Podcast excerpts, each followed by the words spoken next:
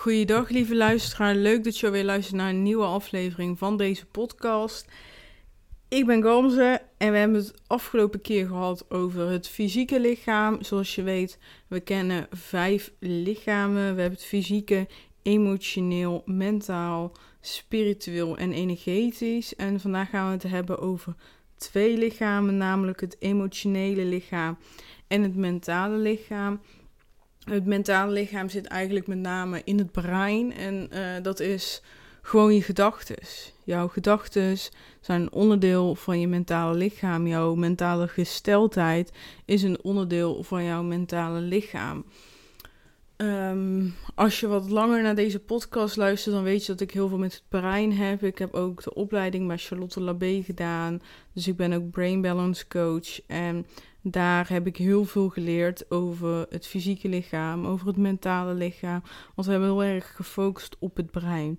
Hoe werkt nu het brein? Hoe werkt nu de processen in het brein? En daar hebben we echt heel erg een focus gelegd op het mentale proces. Dus ons lichaam bestaat, um, ik bedoel, ons brein heeft een, uh, is 95% van het brein is onderbewustzijn. En 5% is maar bewustzijn. Dus dat betekent dat 95% van jouw brein is onderbewust. Het is onbewust wat er allemaal gebeurt.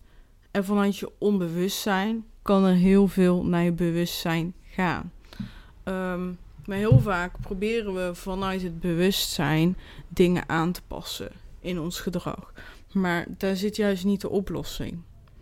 met die 5% ga je niet een verandering inzetten. Juist met die 95% ga je um, de verandering inzetten. Die 95% die onbewust zijn of onderbewust zijn, um, je bent er niet bewust van daar zit de verandering. En hoe zie ik dat? Ik zie dat eigenlijk als een boek. Een boek met allemaal regels die jij hebt geschreven aan jezelf om je leven makkelijker te maken. En dit is heel belangrijk om je leven makkelijker te maken. Stel, um, ja, ik, ik probeer even een voorbeeld te bedenken. Maar stel, um, ik heb een bepaald gedrag vertoond. Um, ik noem, noem even een voorbeeld op mijn werk. Ik ben opgekomen voor mezelf. Ik heb op mijn vorige baan gezegd: Ik vind niet dat je dat kan doen. Je benadeelt mij. Uh, dit kan echt niet. En nee, je hebt allemaal punten opgenoemd. En je bent daarna ontslagen direct. Stel. Je vindt dat heel, heel. Ik stel, ik vind dat heel, heel erg. Ze hebben me ontslagen. En hoe kan dat nou? En dit en dat. En dan schrijf ik eigenlijk de regel niet voor jezelf opkomen. Want als je voor jezelf opkomt, dan krijg je straf. De zaakjes, want je wordt ontslagen. Even het brein denkt heel makkelijk in die zin. Uh, dus zo, zo kan je brein denken. Stel, jij kan die emoties op dat moment niet verwerken. Je wordt boos, je wordt verdrietig. Je kan het niet accepteren. Je vindt het heel erg wat je is overkomen. Dan ga je je gedrag dus daarop aanpassen voor in de toekomst. Want je wil niet meer zo boos, zo teleurgesteld en verdrietig zijn. Dus wat ga je doen? Je, je hebt die regel in dat boek geschreven. In dat hele grote, dikke boek van je. En zo zijn er heel veel regels um, die misschien je daarna in de weg staan. Want het is heel erg als jij de regel hebt: ik kom niet voor mezelf op, want dan krijg ik pijn. Want dan gebeuren er andere dingen en dan kom je gewoon niet voor jezelf op. Dan zegt je vriend iets en dan denk je: ja, dit kan echt niet. Maar je gaat dan niet zeggen: nee, ik wil niet dat we dat gaan doen, want uh, ja, daar voel ik me niet goed bij. Nee, want je denkt: dan word ik daarna weer teleurgesteld. En dit noemen we belemmerende overtuigingen. Ik heb hier echt wel veel afleveringen over opgenomen. Ga ik zeker in de toekomst weer ook doen. Uh, maar deze belemmerende overtuigingen die zitten in het mentale lichaam en die kunnen ons heel erg tegenwerken. En dat is heel erg belangrijk, want je gedachten, 9 van de 10 gedachten zijn gewoon gedachten die uit dat boek komen.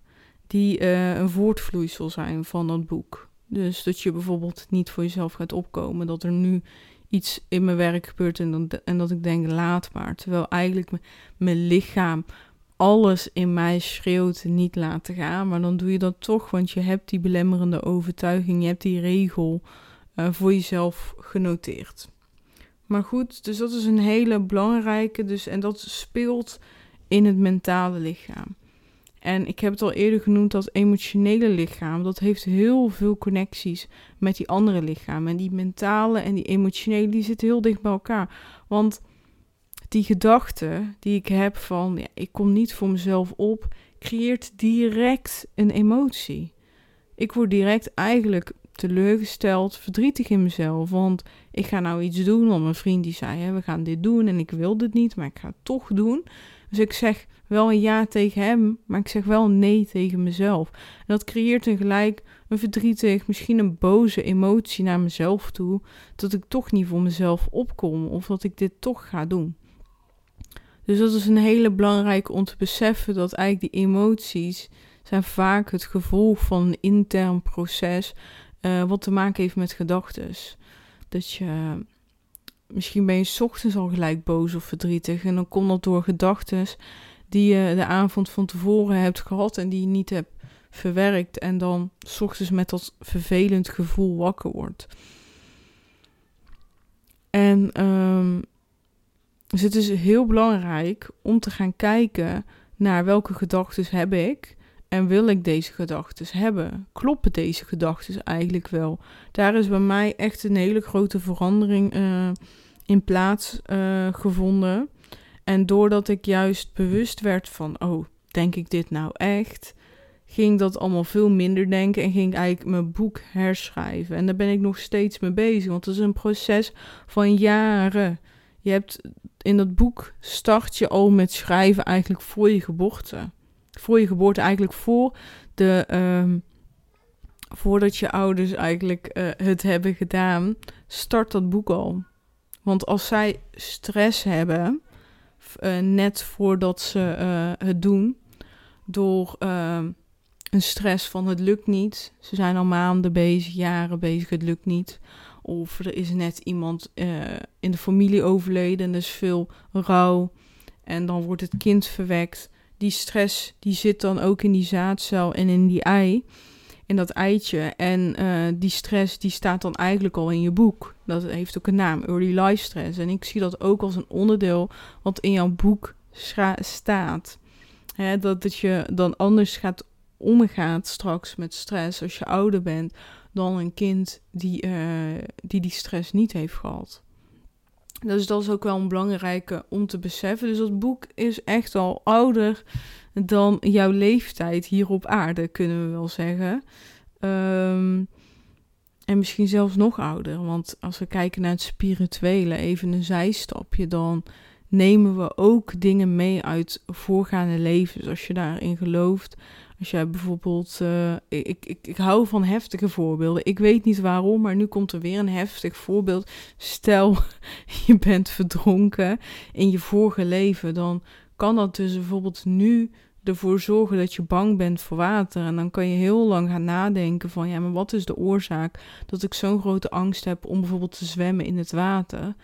Maar dan kan je het antwoord niet in dit leven vinden, maar dan zit dat misschien dus veel dieper doordat je verdronken bent. Um, ja, dit voorbeeld komt trouwens gewoon uit een serie die ik heb bekeken, die dus ook ging over.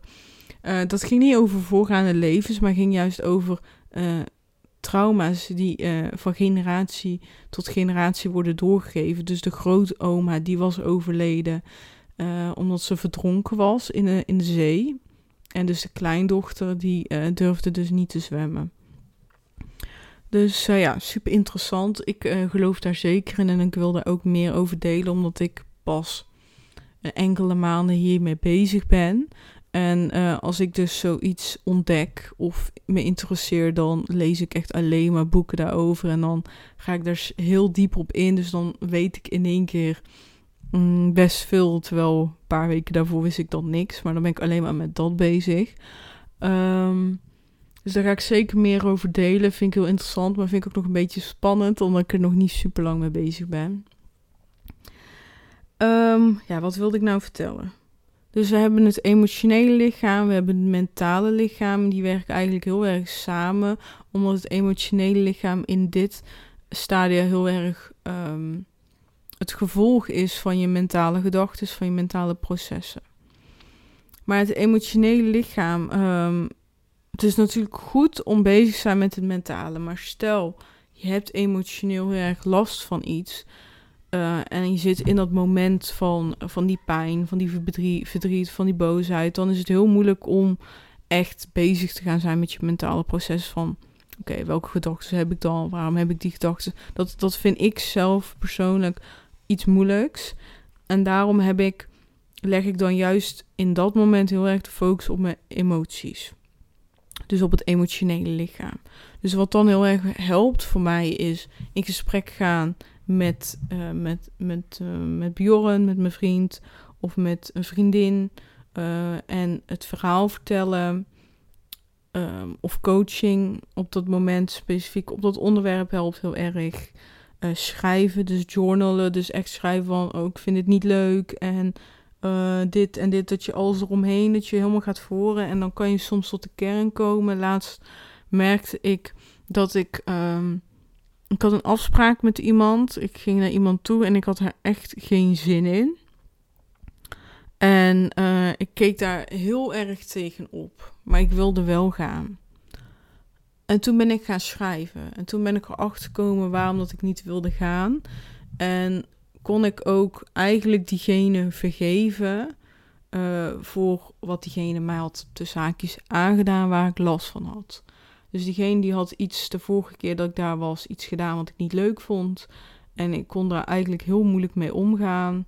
Um, en ik heb dat gelaten, want ik heb diegene een jaar bijna niet gezien. En uiteindelijk zou ik dus weer afspreken. En ik vond het toch moeilijk op dat moment. Uh, want ik voelde dan toch niet de oprechtheid die ik zelf naar diegene kon geven. En dat vind ik heel erg. Uh, maar ik weet ook dat het geen nut heeft om met diegene in, gesprek te gaan. Omdat diegene, ja, dat wil ik gewoon eigenlijk niet.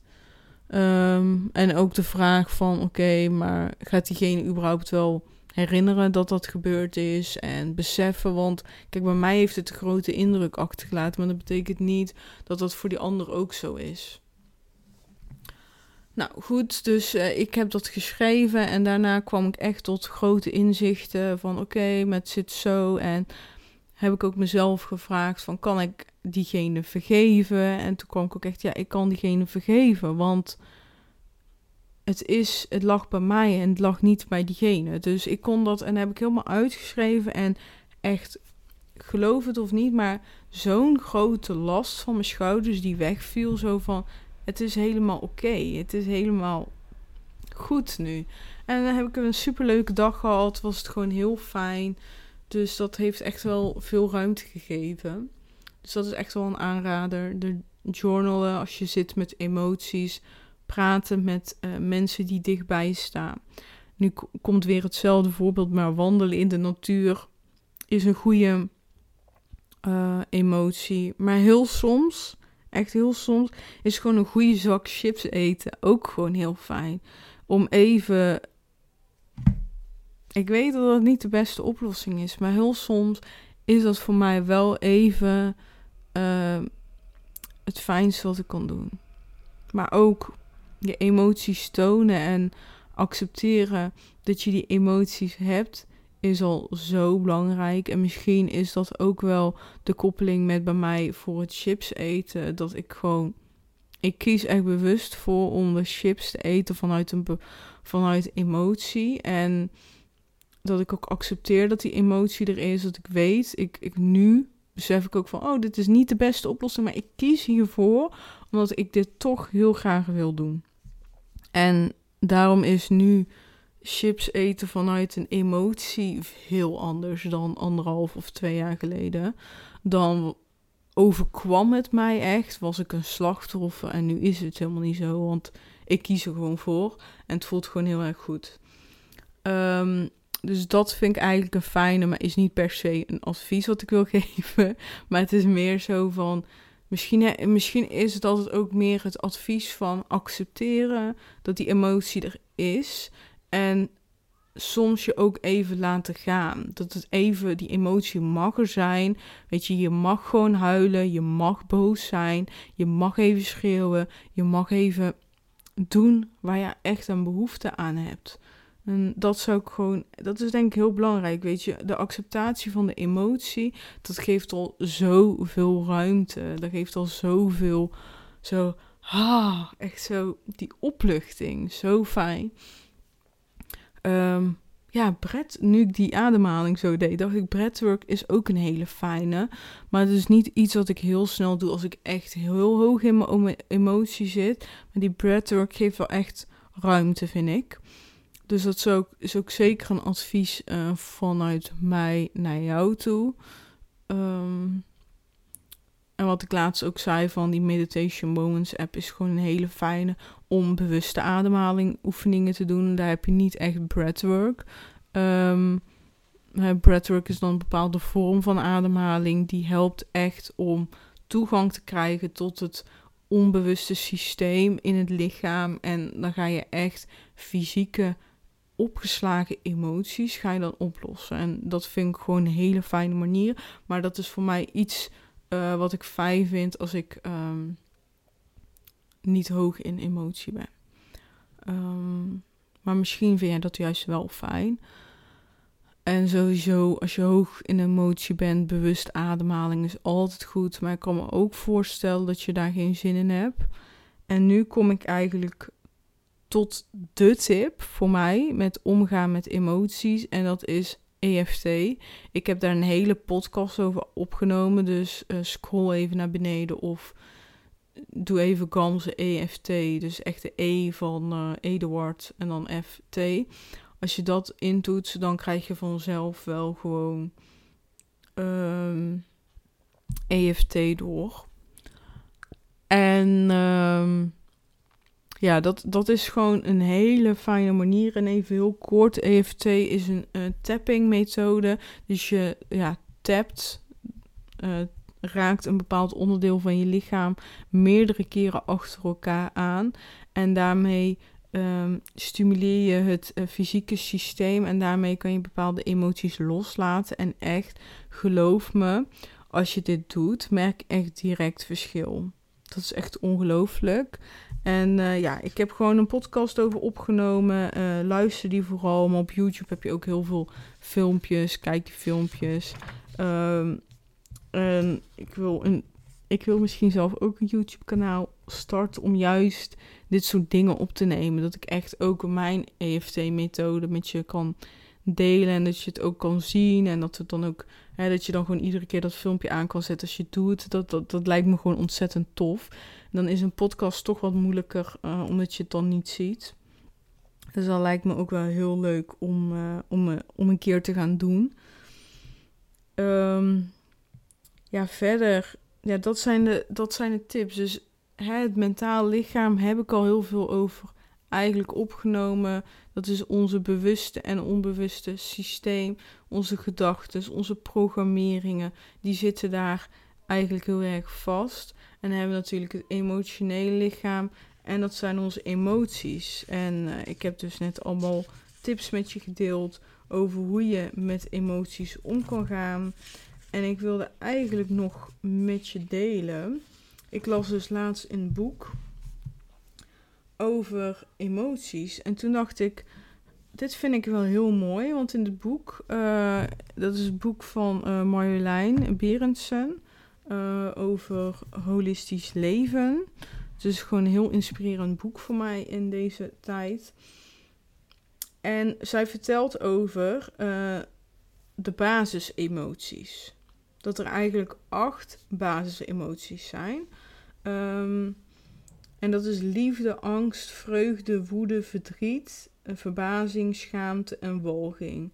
Dus eigenlijk dat alle andere emoties, dat zijn gewoon, die kan je weer terug naar een van die acht zetten. En ze zegt ook van, uh, dat er ook mensen zijn die dus werken met de vier B's. Dus dan is blij, bedroefd, bang of boos. En het is eigenlijk wel heel mooi. Je bedroefd zou ik meer verdrietig noemen. Bedroefd vind ik zo'n raar woord. Maar ja, dan waren het natuurlijk geen vier B's. Um, dus ik zou zelf kijken van als ik een emotie ervaar. Is dat blij? Is dat verdrietig? Is dat bang? Of ben ik boos? Want vanuit daar kan je misschien ook weer makkelijker dingen in een hokje plaatsen en kan je meer dingen herkennen. Ehm, ja, er zijn bijvoorbeeld ook ehm, mensen die zeggen er zijn maar twee emoties en dat is liefde en angst. En alles valt of in liefde of in angst. En dus dat boosheid ook eigenlijk een bepaalde angst is die daaronder valt. Ja, ik weet niet zo goed. Ik vind het gewoon heel fijn juist om die bewustwording te hebben van oké, er zijn meerdere emoties en in principe kan ik alles brengen tot vier of tot acht emoties.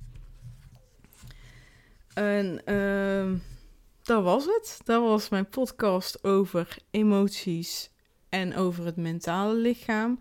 Ik heb deze best wel kort gehouden, maar dat komt ook omdat ik op specifieke onderdelen uh, wil inzoomen. En uh, daarom, lijkt het ook, daarom lijkt het me juist leuk om input vanuit jou te ontvangen. Van wat zou jij graag meer willen weten over de vijf lichamen?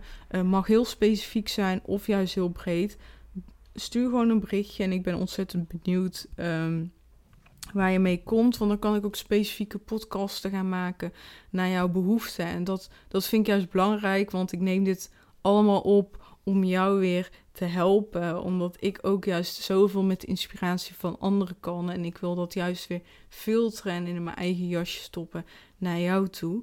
Dus uh, ja, ik hoop dat, dat het je heel veel brengt. En uh, we spreken elkaar weer snel. Doei doei!